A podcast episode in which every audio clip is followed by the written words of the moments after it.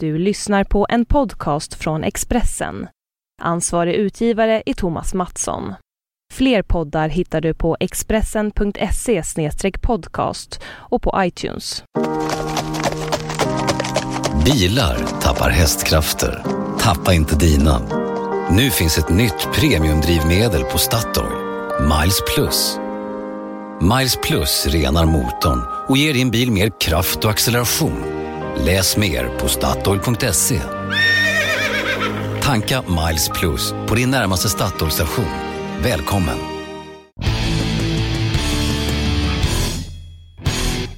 Hej hej! Välkomna till Allt om bilars podcast. Jag heter Jan-Erik Berggren, står i vår poddstudio med David Jakobsson. Välkommen David! Tack, välkommen själv Jan-Erik. Tack tack! Tillbaks, båda på samma plats Ja. i Stockholm. Ja.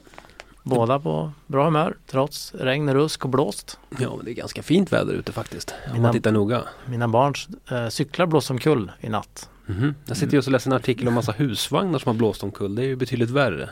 Det är värre om man har husvagn. Du har ju husvagn. Jag har husvagn. Mm. Den står ju inne i ett varmt och tryggt garage där, där det förhoppningsvis inte blåser alls. Kanske ramlat ett träd på. Nej, det finns inget Nej. träd där. Nej, det var en riktig, riktig storm som kom över Sverige. Mm. Jag är lite orolig för mitt lilla sommarhus. Ja, det hände väl någonting med det någon gång. Ja, det har ju blåst av eh, två tak eh, på ett stort stall som jag har. Hoa. Det är först ena sidan och två år senare andra sidan. Så nu hoppas jag att alla tegelpannor låg kvar. Mm. Ja, ja. du eh, har ju varit ute och rest som vanligt och jag har varit Ja. ute och rest. Ska vi dra igenom lite grann vad vi har kört? Ja, Det blir ett litet franskt tema såg vi när vi tittade till. lite Passar- franskt, lite japanskt Ja, blir det. Ja, vad, vad börjar vi då? ja jag körde ju eh, Renault Talisman. Vart Den- var du? Det, ja, var var jag någonstans? Eh, Det här är ju en grej att man inte alltid vet var man är när man reser mycket. Det, det låter larvigt men ibland så vet jag var inte. i, i eh, Florens. Florens. Ja, och upp i, eh, i bergen där, de här fina vindistrikten Mm. utanför. Eh, där Renault gärna håller till. Jag var i samma område och körde Clio, kommer jag ihåg. Okej, ett Och par det år var sedan någonting. nästan lika dåligt väder den här gången. Asså? Mm. Tråkigt. Eh, men vi bodde på ett ganska fint hotell norr om staden. Så vi åkte genom stan när vi kom Mm. från vår testslinga. Och eh, vi pratade om den här bilen lite grann i förra podden och jag varnade för att jag kanske inte skulle tycka den var så bra eftersom jag visste att den har starkt släktskap med eh, Espas. En bil som du inte riktigt gillar och som jag faktiskt gillar. Ja, så där kanske vi blir lite, lite oense. Och det var intressant eftersom jag då hade kört eh, Kia Optima precis innan som ju är ja, typ samma, samma bil, eller Mm. likadan storlek och typ av bil. Mm. Men det var väldigt stor skillnad på dem. Eh, till att börja med så kan vi ju dra motorn då. De hade en eh, fyrcylindrig diesel på 1,6 liter. 160 hästkrafter. Mm. Och de hade, de här, den här hade då de här hästkrafterna som Kia Optima saknade kan man Mm. säga. Och ehm, i Kian så var det ju så att växellådan lite grann räddade upp motorn. Men här var det nästan tvärtom.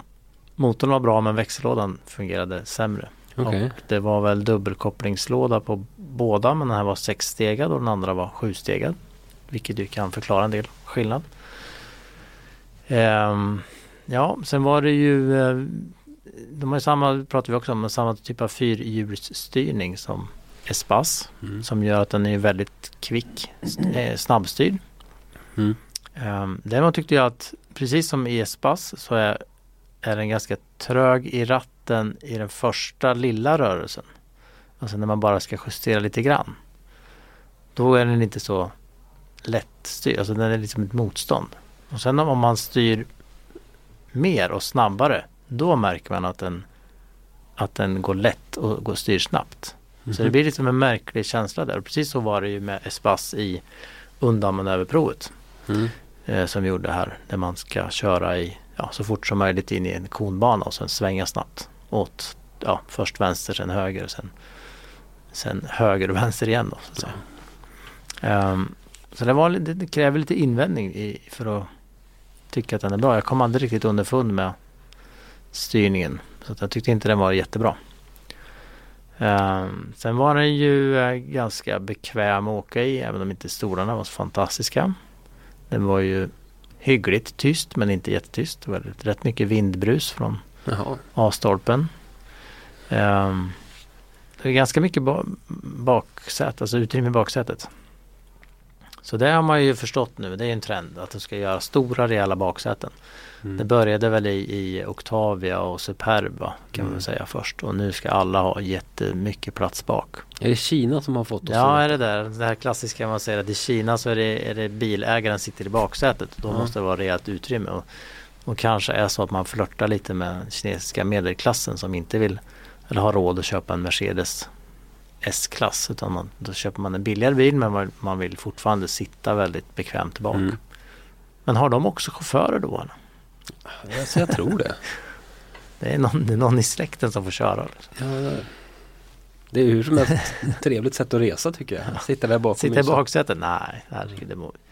Jag träffade ju han Jättelänge sedan jag satt i baksätet. Alltså det var nog när jag var lite så här sliten efter någon bröllopsfest för många, många år sedan. Jag fick sitta i baksätet på väg hem. Ja, ja. Jag åkte i baksätet faktiskt varje vecka nu lite grann. Olika bilar. Det är, det är skönt. Ja. Ja. Um, ja, den fick inte jättehöga betyg den här bilen faktiskt. Jag tror jag landade på 29 getingar någonstans. Det är ju faktiskt rätt dåligt. Det är inte så bra nej. Om man tittar på de som vi betygsätter så, så hamnar vi ofta över 30 i alla fall. Hur fick, många treor var det? Vad fick eh, Espassen av mig? Den fick väl ganska bra betyg? Ja det var väl kanske uppåt 38. Ja. Där. Hade, hade jag satt ett högre betyg på, på den här bilen tror du eller? På... Ja det kan, det kan skilja en hel del i, i så ska det ju vara faktiskt. Ja. Vi, det här är ju inget så här, det finns inget uh, absolut fakta rätt och fel. Utan mm. det är väldigt mycket vad man tycker. Mm. Och det är väl så som vi har varit inne på med, med Tesla att det är ju det är vårt jobb att tycka. Och man får väl då läsa de här testerna med det i bakhuvudet att mm. det här är ju den här personens tyckande. Så mm. får man jämföra det med vad, vad man tycker själv eller vad, om man någon läsare kanske har eller lyssnare har kört en bil och vet vad den tycker och så kan man jämföra med vad vi har tyckt. Mm. Um, jag, uh, den här är inte riktigt den var så ny så det finns inga priser heller. Nu brukar inte Renault kosta jättemycket pengar. Espace mm. är ju rätt billig faktiskt mm. och um, jag tror att den här också kommer att vara ganska uh, humant pris på. Så det får vi väl ta till dess fördel. Men uh, den kommer uh, inte i kombiutförande eller? Jo, och vi var på um, vi var uppe på en racerbana där. Det heter väl Mugello. Mm. Och när det är en tuff racerbana. Det är en tuff racerbana. Vi fick inte köra på banan utan vi fick bara titta när det pågick en uh, F3-test faktiskt. Ja, uh, kul. Och lite Porsche-bilar får runt där. Men i depån så hade man gjort i ordning en liten konbana där man då fick köra med och utan fyrhjulsstyrning. Mm -hmm. Och där stod kombin helt apropå. Så den finns färdig. Det, tyvärr var den låst så man kunde inte gå in och titta i den. Mm. Men den stod, stod där så det finns bild på den på vår sajt, på vårt eh, Instagramkonto. Och vårt, våra Instagramflöden syns ju på vår sajt så man kan titta på kombibilen där. Den ser helt okej okay ut. Mm. Den kommer ju också till Sverige såklart men senare. Eh, jag tror att Renault vill försöka få till någon testkörning i Åre här i vinter. Mm. Så första kvartalet av kombin. Varför Åre? Ja, jag klurar inte ut det. var, de hade någonting där. Någon, någon anledning att vara i år. Ja. Fyrhjulsdrift är ju inte riktigt deras grej annars och sådär. Ju, nej, nej. Så fort man hamnar i Åre eller norrut så brukar det vara en fyrhjulsdriven bil. Ja, precis. Ja. Nej, men det kommer en kombi och det är väl den som gäller i Sverige egentligen. Men ja. Sen tyckte jag inredningen var lite sådär blandade och gav. Vissa saker var bra och andra grejer jättemärkliga liksom. Så lite stora plastdetaljer här och där. Och. Mm. Ingen riktigt bra helhet och ganska lite, ja, lite rörigt. Speciellt om man jämför med Kia som jag hade i färskt minne som är väldigt tydlig, och enkel och rak och snygg. Hade, hade den samma usla placering av mugghållarna som Renault Espace? Nej, den har inte samma mittkonsol som den. Mm. Så den var ju jättekonstig men den blir ju högre ju. Mm. Hela instrumenteringen blir ju, sitter högre upp på den. Va? Mm. Renault Espace har ju alltså en flytande mittkonsol och under den har de placerat eh, två stycken mugghållare. Så om man ska ha en kopp kaffe där då måste man så att säga lirka in handen under och sen försöka lirka ut den här kaffekoppen på något, mm. på något mm. sätt. Men här hade de täckt för det utrymmet med just en stor fet plastgrej. Mm. Det, var, det var lite, ja, lite märkligt. Ja, ja. Jag ska ju faktiskt köra nya Megane här för uh, jul. Mm. Så det blir väldigt kul att se om det är Jag kan tänka mig att det är samma teknik där då. Kanske kasta in lite fyrhjulsstyrning där också. Ja, jag vet ingenting om den bilen. Nej, den har varit uh, under radarn liksom under hösten här. Det är ju rätt så stor, stor bil. Alltså mm. storsäljare i Europa. Ja, en viktig bil för Renault. Viktig bil och uh, väl en konkurrent till Opel Astra då, då den nya. Mm. Så den ska vi alltså köra i, senare i december. Mm. Och du hade också kört, om vi börjar den franska änden på din vecka, slutet på förra veckan här. Ja, då följer vi inte kronologin men eh, jag hamnade ju i eh, Saint-Tropez. Eh, för en övning som Peugeot hade. De har, eh, de har ju dragit väldigt hårt på sin Peugeot 308. De vart ju bland annat årets bil 2014. Eh, och sen så kom de med en lite poppigare GTI-version som de rätt nyligen visade upp och som de har börjat sälja. Men eh, på bilsalongen i Shanghai, det var väl i, i våras, så visade de upp en konceptbil som heter 308R Hybrid. Den här bilen har, det var någon annan salong vi såg den på också va? Mm, kan jag inte säga att jag har tittat jättemycket på alla 308-versioner men ja. Skitsamma, det här är, det här är bara en, en konceptbil som har eh, fått låna motorn från Peugeot 308 GTI. Alltså det är en 1,6 liters turbomotor på 270 hästar. Sen har den också två stycken elmotorer på 115 hästar vardera. Och gör man sin matte där så är vi uppe i 500 hästar. Och eh, över 700 Newtonmeter. Det är ju skitcoolt. Bilen är lite breddad, den är lite sänkt, den är liksom Eh, riktigt läcker. Och vi fick ju faktiskt som första svenska media åka och eh, köra den här bilen. Den är körbar fast den är Ja den är körbar. Koncept. Det var, det var ju lite spännande. Konceptuell. Vi hamnade på någon liten, eh, liten racerbana mitt i södra Frankrike där vi skulle få köra den här bilen och jag satt bredvid eh, Eh, ingenjören Jean-Philippe Delaire som har, har liksom varit ansvarig för den här. Han jobbar på Peugeot Sport och varit ansvarig för drivlinan och för det här projektet. Oerhört engagerad och vänlig man som satt bredvid mig i den här bilen och så bad han mig nu att att eh, vi ska köra lite lugnt och fint. Det här är en showcar. Den är liksom allting. Det är någon kille som har stått och skruvat i någon liten bit där och någon annan mm. där och sådär. Så att eh, fick köra väldigt försiktigt runt banan med den där. Eh, men, Men det var en racerbana, alltså det var en riktig racerbana? Ja, en racerbana. Det finns många sådana små fina racerbanor ute i Europa. Ja, det gör ju det. det här har jag aldrig hört talas om. Jag kommer inte ihåg vad den heter nu men ja, jag återkommer till det. Det fina var ju att de också hade en annan bil som, som är deras utvecklingsbil. En, ehm, en likadan bil som de har jobbat vidare på som inte bara ska vara för utställningen. Och när vi hade kört den här eh, fina 308R som vi har sett på bilsalongen så fick jag hoppa in i den. Och de fick vi köra max med, de här bilarna. Eh, och det var en sjukt cool liten bil med först den här 270 hästars motorn och sen de här två elmotorerna. Och man, eh, det finns olika lägen så klickar man i raceläget där och får all effekt. Då går, då går den ordentligt undan. Men vad ska de ha den till då? Ska de tävla? Är det Sebastian Löbs nya? Nej, det roliga är att det har ju ryktats lite grann om att Peugeot är på gång med någon slags prestanda-hybrid.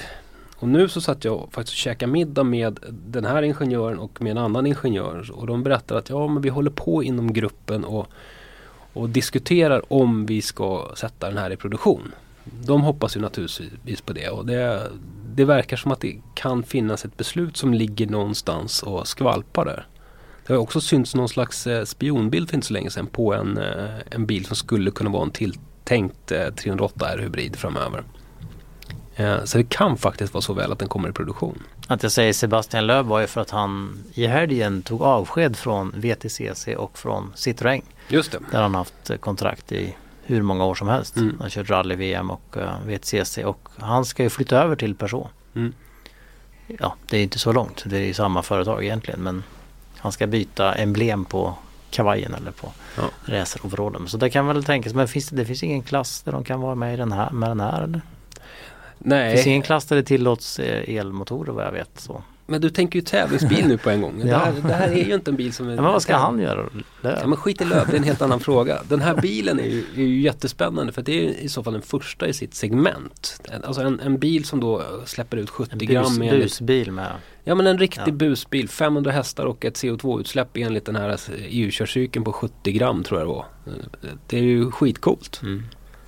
Eh, och de, de, alltså, jag frågade dem så här, det är ju långt bort i tiden förstås en lansering om det blir av. Frågade nej, det är nog tvärtom. Det är nog att vi måste göra det här väldigt snart om vi ska kunna bli först i det här segmentet. Mm. pratar de om. Så att, Men laddar man, laddar man den eller är det laddhybrid? nej, det är inte Nej. en laddhybrid. Bilen har väldigt små batterier så det är inte så där långa sträckor man kör på el. Ehm, de har ju tänkt att de vill ha vikten nere för att de ehm, Men om man kör alltså full effekt, sportläget och alla, alla motorer tillgängliga. mm, Då, då laddar de då såklart när man bromsar och bromsar in Mm. och så. Mm. Man kan, kan också, det, det testade jag ute på banan. Hur fort det går att ladda upp batterierna. Om man, Mm. om man kör så effektivt som möjligt. Kör med- fort som fan hela tiden. Nej, man ska försöka hålla någon slags jämn gas typ sådär med lagom varv och, och välja rätt ställen på banan där man bromsar utan att röra bromsen för mycket och sådär. På ett och ett halvt varv lyckades jag faktiskt ladda upp det fullt. Eh, Det var ganska, ganska raskt marscherat. Sen så kunde man ligga och stå på igen. Det kan ju bli en intressant tävlingsform då. Ja, det kan Där vi. man måste eller där man tjänar på att köra på ett visst sätt för Mm. att få el i batterierna Mm. i rätt läge under racet. Mm. Men tycker inte jag att det är, det så roligt med racing när man ligger och tänker så. Jag tycker det är roligast när folk försöker köra fort och köra om varandra sådär. Men ja, intressant Ja. på något sätt. Eller om man ser rallytävling där man får ladda upp dem. Ladd, ladda batterierna för, på serviceplatsen och så får man köra. Ja. Nej men bilen är jättetuff och kommer de ut med den här så, så eh, ser jag fram emot att åka på, på provkörningen kan jag säga. Ehm, han var ganska rolig den här Jean Philippe. Han, han hade jobbat med den här bilen jättelänge nu och nu var han, var han väldigt, han var som ett litet barn som satt där och väntade på mina reaktioner när vi körde den här bilen. Så nu har ju de kört och mätt och räknat och fixat och Mm. donat liksom. Och så, han satt och sneglade lite på mig sen när jag körde bilen och, och så, kom jag, så kom jag med en liten kommentar och sken han upp sådär. Mm. Alltså, det var jätteroligt. Han sken inte upp så mycket dock när jag kom efter den långa raksträckan på den här banan. Så kom jag och så, så smackade jag på bromsarna där man ska bromsa. Och så, så växlade jag ner en gång. Jag växlade ner en gång till. Och då hände någonting i bilen. Det började skrapa och rassla något förbannat i den här bilen. Ehm, ja, det, lät, det, lät, det lät som, tänk en plåt som ligger mot en kedja. Mm. Ungefär. I bilen. Då slutade han le och jag slutade också le. Ehm, och vi linkade runt resten av varvet på banan där. Eh, och då visade det sig att det var en del i växellådan som hade rasat. Mm. Ehm, vilket fick mig att få omedelbar och svår ångest där med tanke på att det finns ju bara en sån här bil i världen. Och den kostar väldigt mycket pengar. Men Fast han, det, de var säkert nervösa för att du skulle tycka det var Ja. skrot. Liksom. Ja förmodligen men Jean-Philippe sa ju det. Ja, nej, men det här var ju när de sen hade, de fick ju riva ur hela motorn ur bilen och, och sen någon fick åka iväg och skaffa fram någon slags reservdel. Och reservdelet till konceptbilar finns ju inte på närmsta OK-mack direkt. Ehm, så sa han att ja, den här delen har vi haft lite vi har varit lite frågande inför om den var tillräckligt stark. Den här, Men nu vet vi ju att vi kanske måste göra den lite starkare. ja, eh, han, han var ingen sur och jag fick i alla fall köra bilen. Det var ju väldigt massa andra journalister som hade rest från halva jorden som stod i kö där och skulle köra den där bilen. Men det vart ju ingenting av med det. För dem. Det är rätt spännande när de, det händer ju då och då, när, när de verkligen står och väntar efter man har kört och vill fråga, Mm. fråga liksom, vad tyckte de om det? Mm. Och ibland kan det faktiskt vara produktionsfärdiga bilar som, Mm. som man inte har kört speciellt mycket. Mm. Som de direkt vill veta allt om vad man tyckte. Så det är, det är inte helt enkelt att säga något liksom. Nej. Väldigt ofta tycker jag japanska biltillverkare så står de där med block och penna och antecknar sådär. Det var ju någon, var det Subaru Impresa, där man, där man upptäckte, alltså de blev jätteledsna så fort man sa att det inte var så bra. Mm. Och bad nästan om ursäkt. Ja förlåt. Mm. Så här. Men jag Ja, hade men det är nog inte ditt fel att, att, liksom, att jag tycker att stolen känns inte jätte, jättebra. Liksom. Men jag hade precis samma upplevelse. Det var, det var eh, Subaru Leborg. Så stod jag och pratade med. Då fick jag en sån här halvmåne av japanska ingenjörer runt om mig. Och så, så ett par tolkar och de stod och frågade. Så här, vad tyckte de om det här? Och så att ja men jag tyckte chassit känns jättepiggt. Ja, thank you, sa de till mig. Vad tyckte du om det här och hur funkar det här? Ja, men jag tycker inte den här CVT-växellådan känns riktigt sportig och när man kör så här. Oh, sorry. det var ver verkligen så här direkt och så stod det några antecknade och så här. Finns det ingen CVT-låda som fungerar?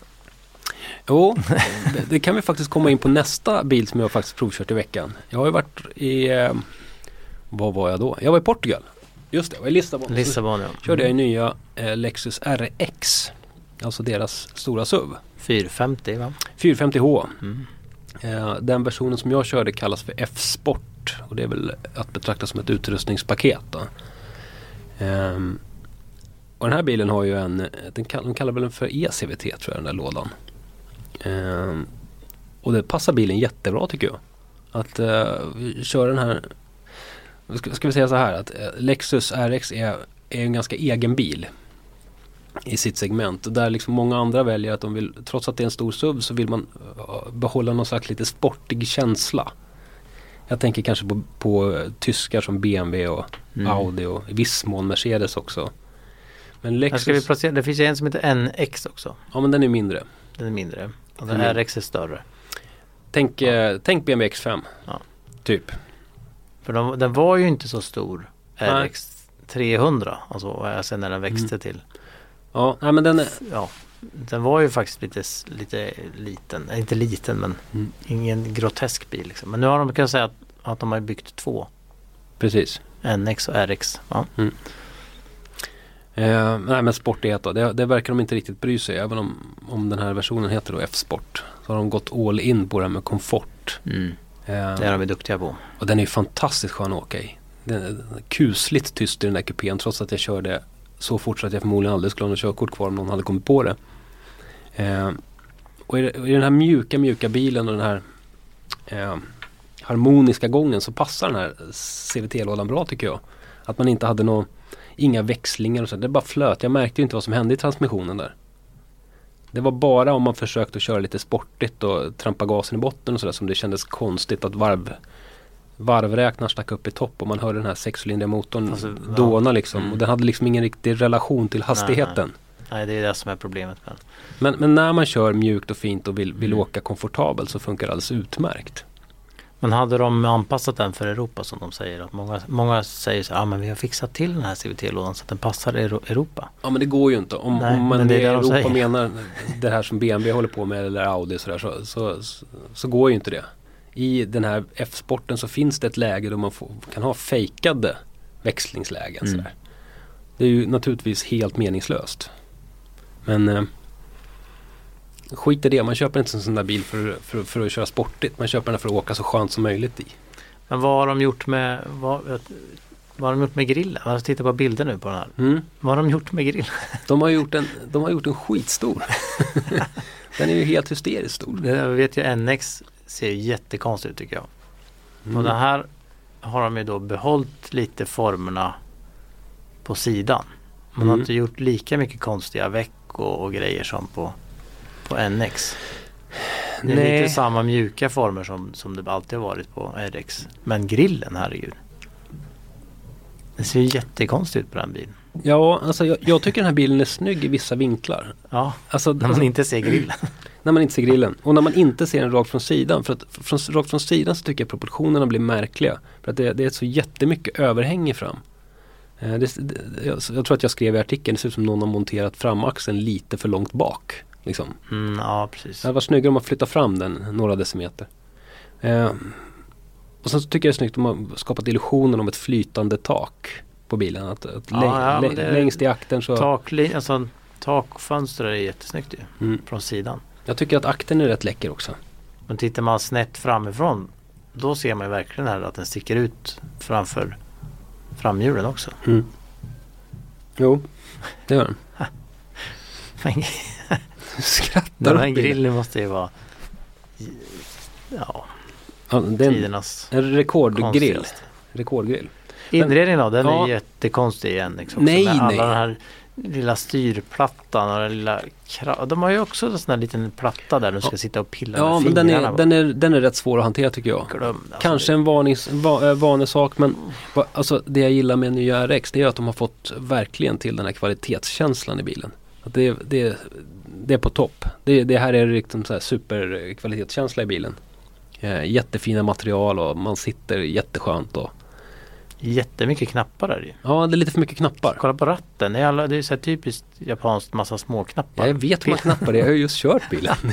det är, Jättemycket små pill, pill där. ja, det är en del pill. Det är det. Men det finns ju andra, det finns det ju Porsche också du vet. Och den, eh, Ja, herregud. Det, det går ju inte liksom. Men eh, kvalitetskänslan, där har de gjort hur mycket som helst. Tycker jag. En, vi pratade om baksätet förut. Eh, Den här F-sporten som jag satt i, där kunde man tydligen fälla baksätet. Eh, så jag satte mig bak och fällde där. Det var nästan så jag somnade faktiskt. Det var... Ja, trevlig Det är rätt fräckt. Det är många som har det nu. Att man kan fälla, fälla stolarna bak också. Mm. Jag skulle bara klättra bak egentligen för jag skulle hämta min plånbok som låg där bak och sen skulle vi betala en motorvägsavgift jag och en kollega på Teknikens Värld som, som jag delade bil med. Eh, men jag blev kvar där bak en ganska lång stund. Det var så Du bekvämt. Ja. Han skickade bak en flaska vatten till mig så satt jag med där och njöt av, njöt av tystnaden. Jag kör ju också SUV faktiskt här hemma. Jaså? Ja, X5 Hybrid. Jaha ja. Den här bilen som har börjat säljas i Sverige precis. Jag ska inte säga att jag har kört jättemycket med den men Men ja, det är en vanlig X5 fast med batterier i bagageluckan. Mm. På samma sätt som den här Mercedes som vi, du, du hade kört. GL Mm. eh, och eh, Audi Q7. Samma sätt. Så det, sista storstraden ryker ju. Mm. Och räckvidden är ju inte, jag tror den, den var fulladdad när jag hämtade den och stod den på 1,7 mil. Men jag tror det är nog mer om man kör lite lugnare på el alltså. Hur eh, blir det med lasthöjden? Har de byggt upp? De har byggt upp ja. Så det är Ja. rätt högt. Ja. Inte Mercan är- jättehögt men det är Mercan är helt värdelös. Det är Ja. skrattretande att se den där bak. Ja. Där kan man Nej, jag, säga har att inte, jag har inte kört jättemycket på el. De hade däremot ja, de låg lite mitt emellan Audi och Volvo på hantering av batteriet. Man kan, man kan med hjälp av navigeringen få veta när man ska slå på gasen och sånt. Det är Mm. inte så att den optimerar urladdningen beroende på exakt var du ska så men lite åt det hållet som Audi jobbar. Ehm, men det där är en riktigt populär bil. Framförallt har jag förstått att det är en bil som eh, du kan köpa. Eh, många har ju problem. till skillnad från andra bilar. Många vill ju köpa Volvo XC90 T8 har jag förstått men, det. eh, men det är sån enorm lång leveranstid. Mm. Och så sneglar de då på Audi Q7 som inte heller är så jätteenkel att få hem nu nu nu. Så Mm. vi har fått lite mail från, från människor som har då så här, ja ah, men då köpte jag väl en BMW då. Mm. Det går ju jätte, jättefint, jättebra komfort och riktigt skön att köra. Men det, där- det där glömmer man ju ofta bort när man eh, pratar om vilken bil man ska välja. Så, här, så jämför man små, små detaljer fram och Ja. tillbaka. Och, ja, jag tycker nog ändå att kanske diskanten i stereon var lite bättre i den här Mm. bilen. Så att jag, ja, jag väljer nog den. Men så bara att man inte får den på ett halvår. Det är ju skitstor grej egentligen. Nej, men tror jag, att många är ju så att de, de har tänkt jättelänge på att byta bil och så nu så här, nu ska jag slå till och nu är det Mm. dags och så här. Mm. Och sen när de har bestämt sig, ja, då finns inte den. Ja, Då är det nästan en facelift på gång när du får din Ja. bil sen. Då är det inget roligt. Nej. Så att, det är väl ett råd att börja i tid och um, titta till um, vilken bil ni ska ha. Mm. Men det är klart, den här är ju, den hade säljstart för, förra helgen i Sverige, Mm. BMW där. Och innan dess kunde man ju inte provköra den och, titta på den. Och sen när man, man ja, då just den är det tydligen inte jättelång leveranstid på men men eh, då när man kommer till skott så kanske man ändå har bestämt sig relativt snabbt på sig på två veckor. Så, ja men jag slår till på den här nya bilen. Ja så är det ett halvårs väntetid. Mm. Mm. Det är ju, Jag det är ju en tråkigt. Och på XC90 har jag förstått att de har ju sålt slut på all tilldelning till Sverige under lång tid framöver. Mm. Så det är ju ingen förändring i sikte heller. Och den börjar ju nu sälja riktigt bra i USA. Mm. Ehm, så att ja, det kan det, det, det, Och fabriken i Göteborg går på högtryck. Mm. Och ny fabrik i USA Den är långt borta. Den är långt borta, de håller på och gräver Mm. fundamentet. så att det är ingen förändring i sikte där direkt. Ehm, Nej men det är säkert många som, som väljer en annan bil. Jag kommer ihåg att jag nästan valde en annan motorcykel. Jag beställde en ny Ducati. Jag beställde den tror jag i det kan ha varit februari och sånt där. Och skulle få den till våren. Men sen så började det ticka iväg med tiden. Och så sa nej du får den här sent i höst. Men Då är ju Ja, det hela, var ett år för sent. då är, då är det Det är en ju, hel säsong gått. då är hela säsongen gått. Så då ringde jag upp och sa det att "Nej, men jag vill inte ha den här hojen. Om den inte är här tills det och det datumet så vill jag inte ha den. Då går jag och köper något annat. Mm.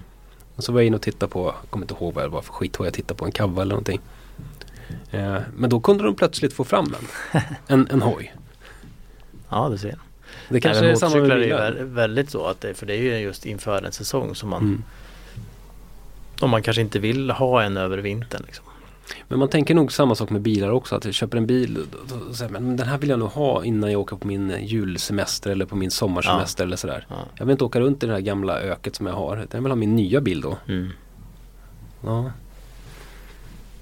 Sen eh, kan det ju hända, det har jag också hört att eh, det var Ja, det var, den, bilen skulle levereras i oktober men den kom i januari för att det var förseningar. Mm. Och när, man väl, när det väl var januari då hade ju den här handlaren ett annat pris på de nya bilarna. Då var det ju kampanjer och grejer så då, då kändes det inte så kul att betala ett visst pris. För då kunde man gå ut i hallen och köpa så att säga, eller typ köpa en ny för mindre pengar. Men då hade ju kontraktet skrivits på. ja, det är ju surt. Så att, eh, då, det är också ett tips att man kan vänta med att eh, vi gör upp priset eh, då och då. Mm. Men å andra sidan har man inbyte, ja då kanske man vill göra upp priset direkt för då får man ju mycket pengar för sin mm. gamla bil. Mm. Än att vänta ett halvår och, och då kan det hända saker med den, det kan gå sönder och så. Mm. Så där kan vara ju den, den personen som jag refererar till, den var ju lovad ett pris för sin gamla bil. Som var bra då, Mm. ett halvår senare. Men å andra sidan var nybilspriset för högt också. Ja, Det är ett äventyr att köpa bil. ja verkligen. Mm. Du, eh, jag tänkte lite, du får vara lite oförberedd men det börjar ju gå mot eh, årsskifte Mm. och eh, vi ska försöka kanske kan sammanfatta lite vår, vårt bilår här. Ehm, är det någon, Redan? Ja. Är det någon bil sådär som du kommer på som är liksom en stor överraskning som vi har provkört av de nya? Eh, Så här, positiv överraskning eller negativ överraskning?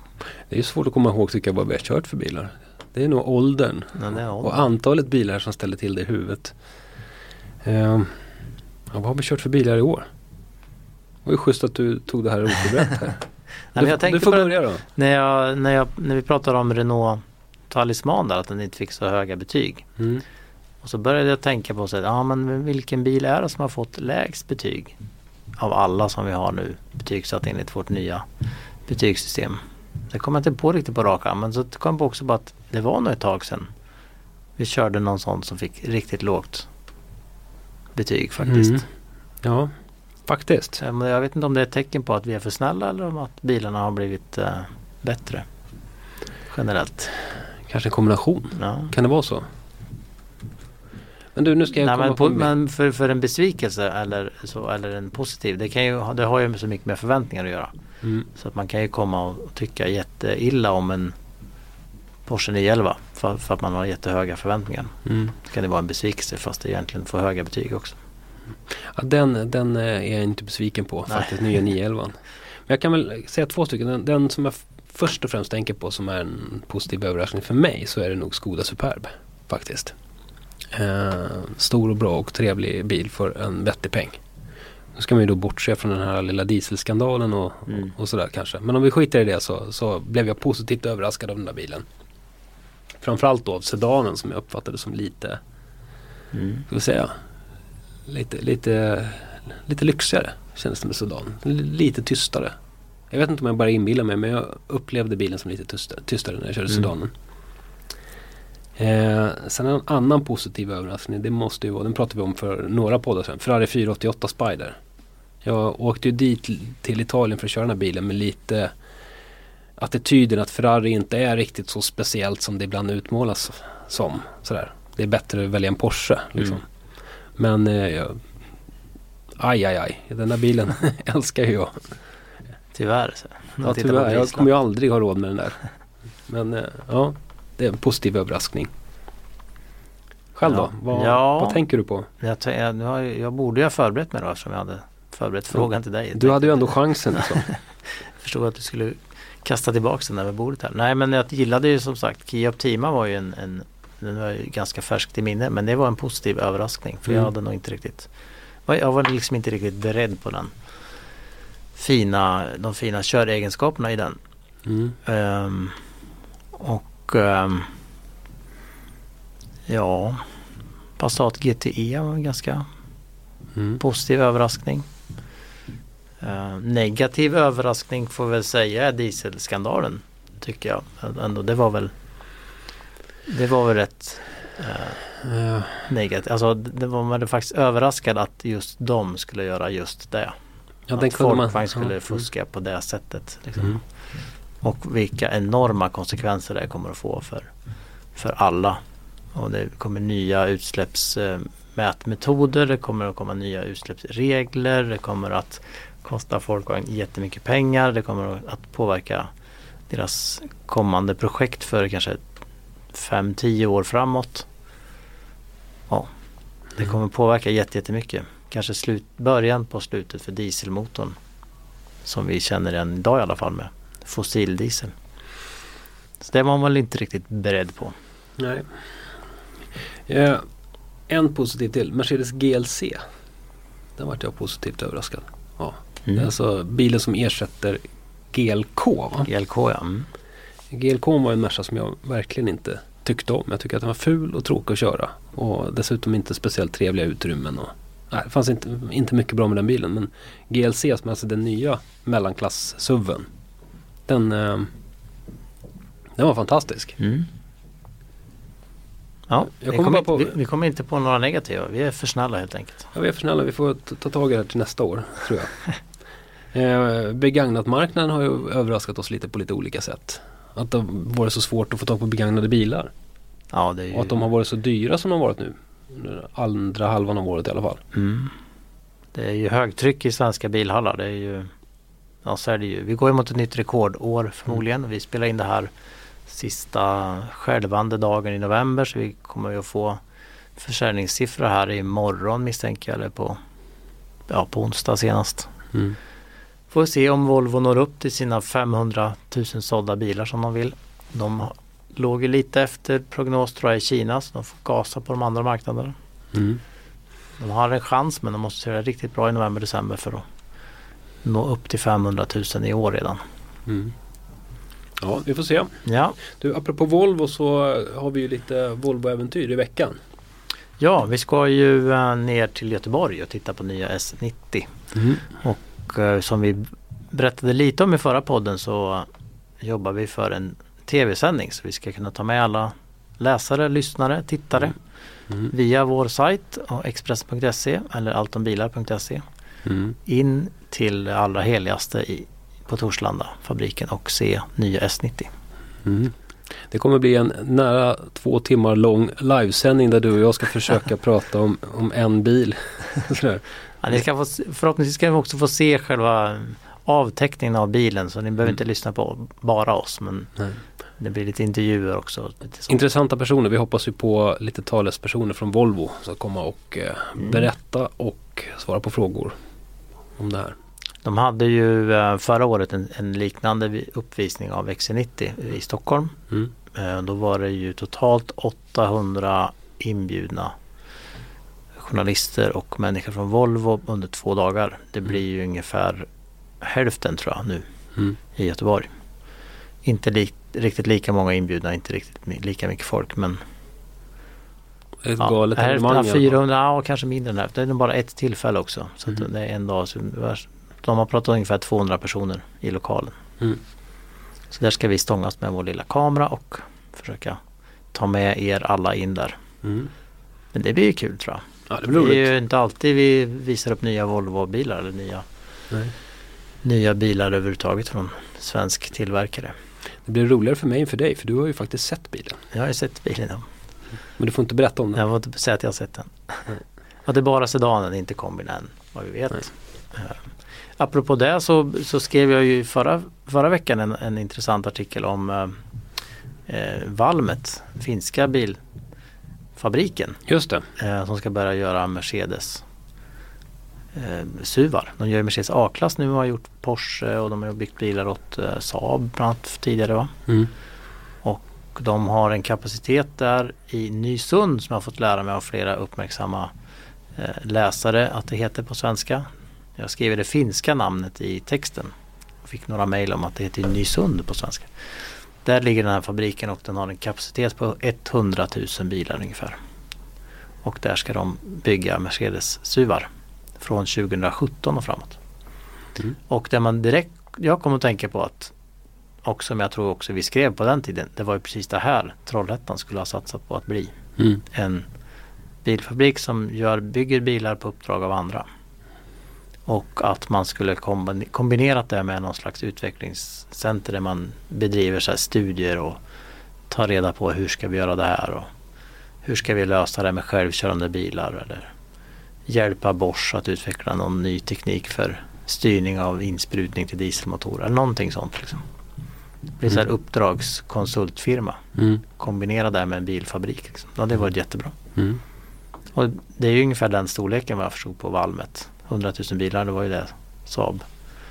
Trollhättan också låg väl på där någonstans 100 120 000 bil per år. Ja, jag vet inte. Ja, Så det hade varit perfekt. Ja verkligen. Det tåget kanske inte har gått. Men, men man, du kommer ihåg hur man pratade då om att det var för mycket produktion i Europa och man skulle lägga ner fabriker. Och, Men det var bara några år sedan. ja. Ja.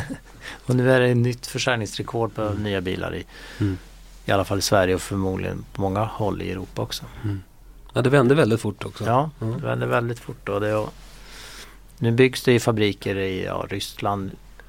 Rysslandskrisen har väl i och för sig påverkat en hel del. Att den Mm. utvecklingen inte gått så fort. Att det är inte så mycket tillverkning i Ryssland längre. Nej. Men man bygger i Tjeckien, man bygger i Slovakien och Turkiet. Och, Sen har ju inte Kina varit, blivit riktigt vad man förväntade sig heller. Det klingade ju av lite. ja, tillväxten är inte lika enorm. Det är inte så här 40% plus. Nej. Det är väl 5-10% vilket är bra bara det. Mm. Och USA går ju jättebra också. Det är väl ett nytt rekordår tror man i USA. Mm.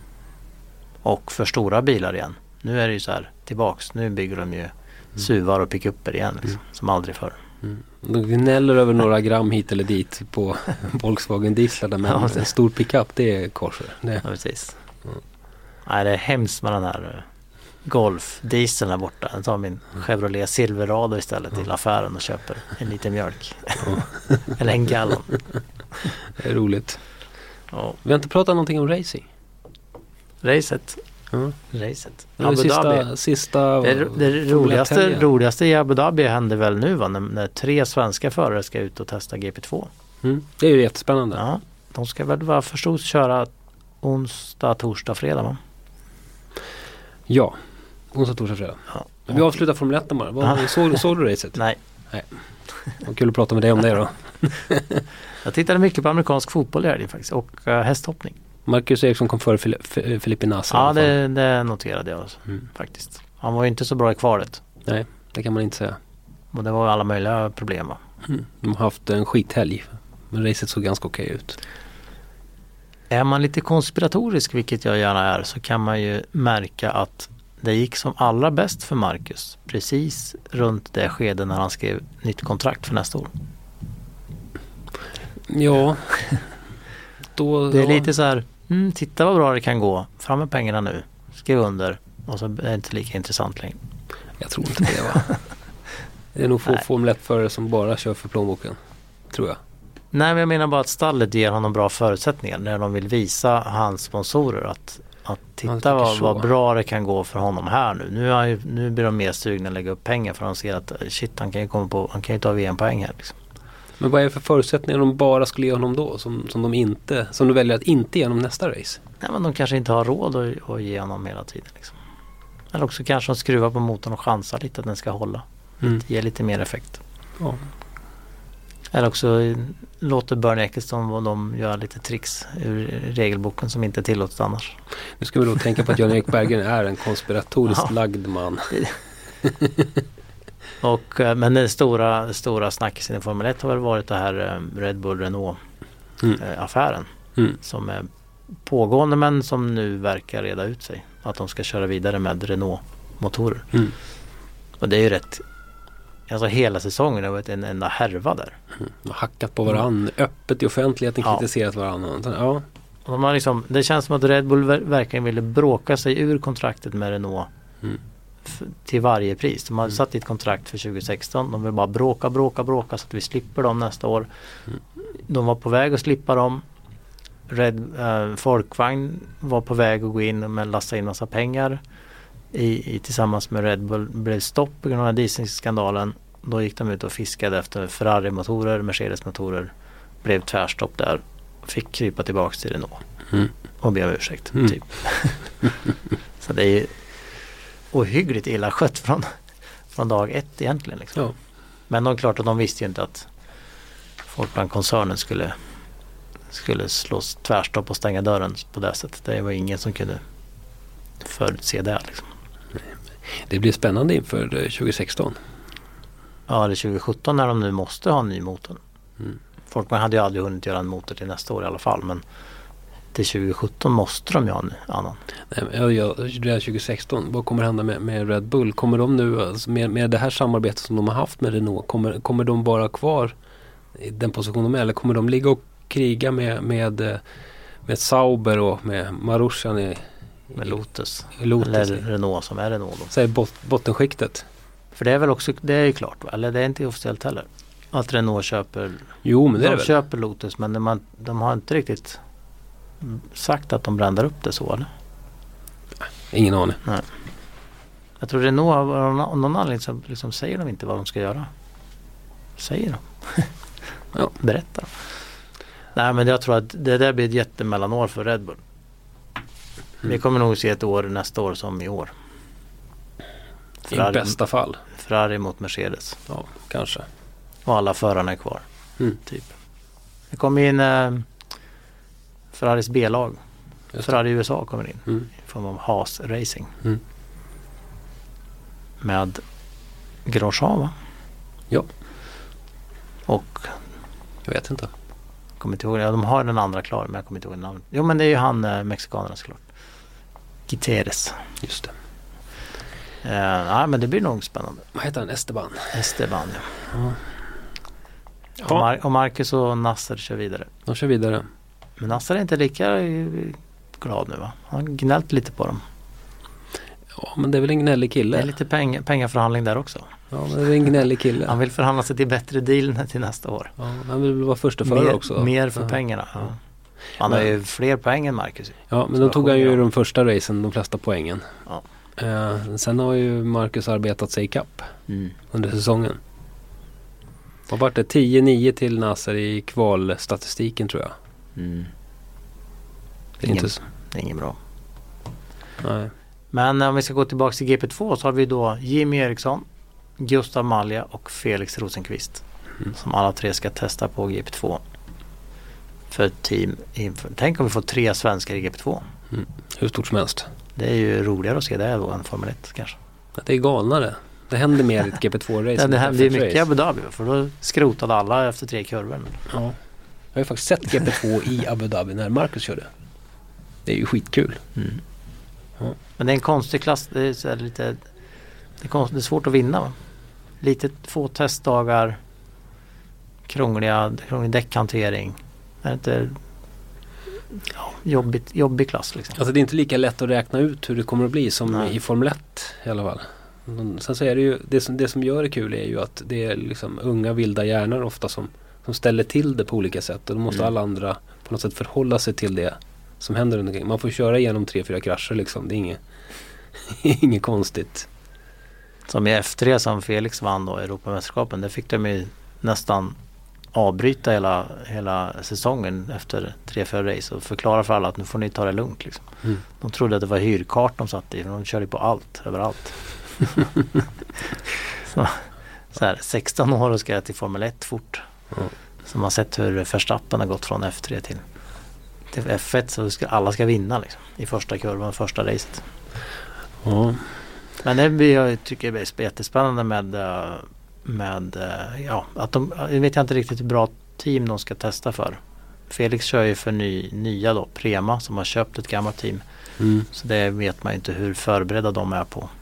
Nej. bilen och ja, överhuvudtaget. Liksom. Och Sen de så är det- andra två kör väl för hyggligt bra team. Sen så är det ju olika budget i de här teamen också på samma sätt som i Formel 1. Mm. Spelar det lika stor roll tror du? Ja, jag tror framförallt hur eh, väl de har förberett sig och sen tror jag det är mycket individuellt på personerna som jobbar i teamen. Du måste nog ha koll på vilken ingenjör som sitter var Mm. och hur bra den, den är. Och nu är det den som har kommit på något och den har ordning och reda på grejerna. Mm.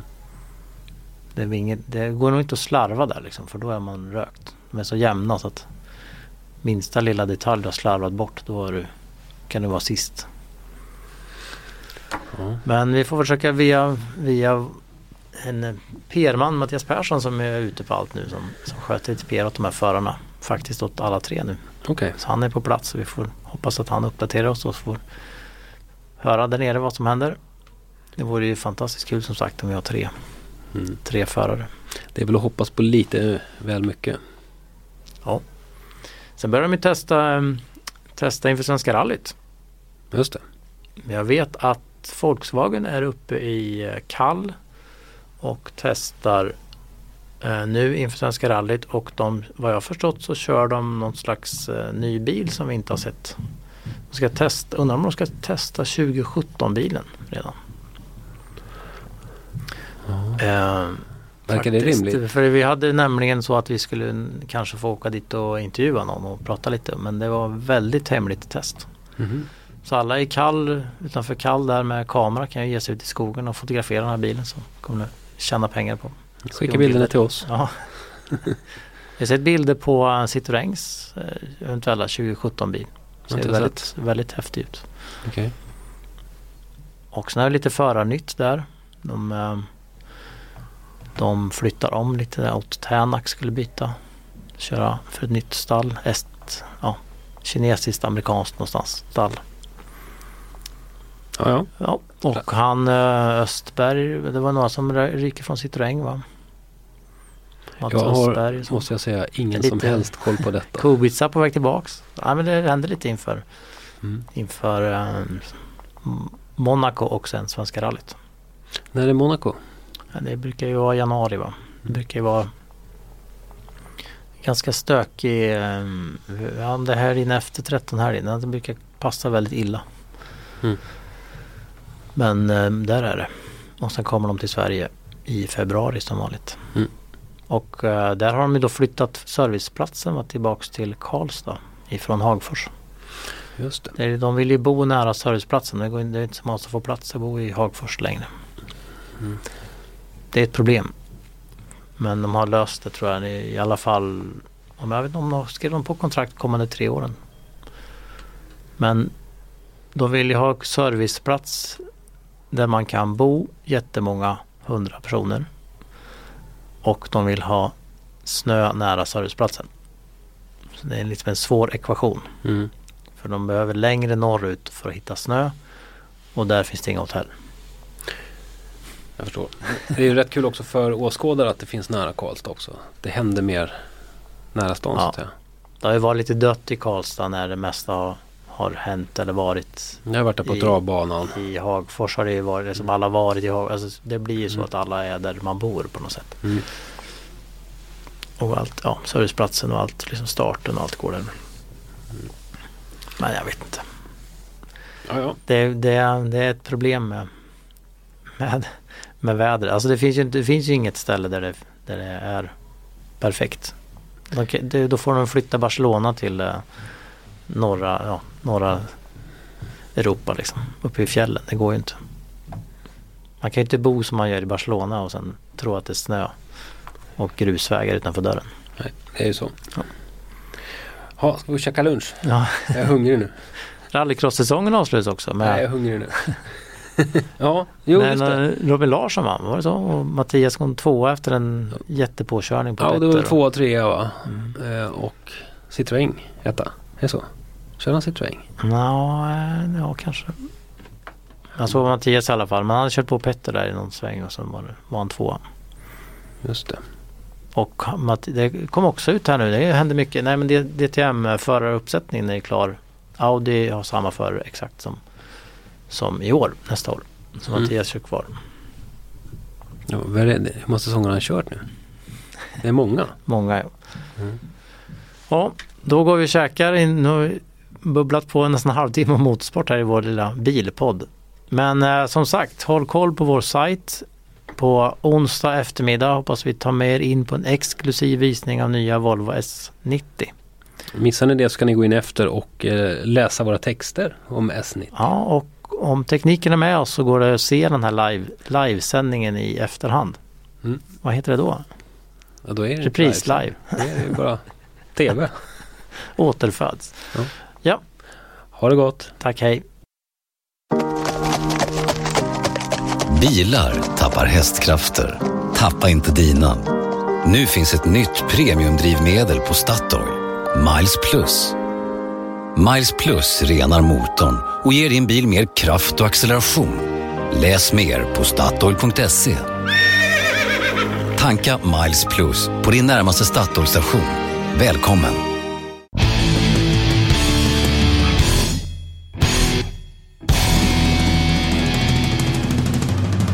Du har lyssnat på en podcast från Expressen. Ansvarig utgivare är Thomas Mattsson. Fler poddar hittar du på expressen.se podcast och på iTunes.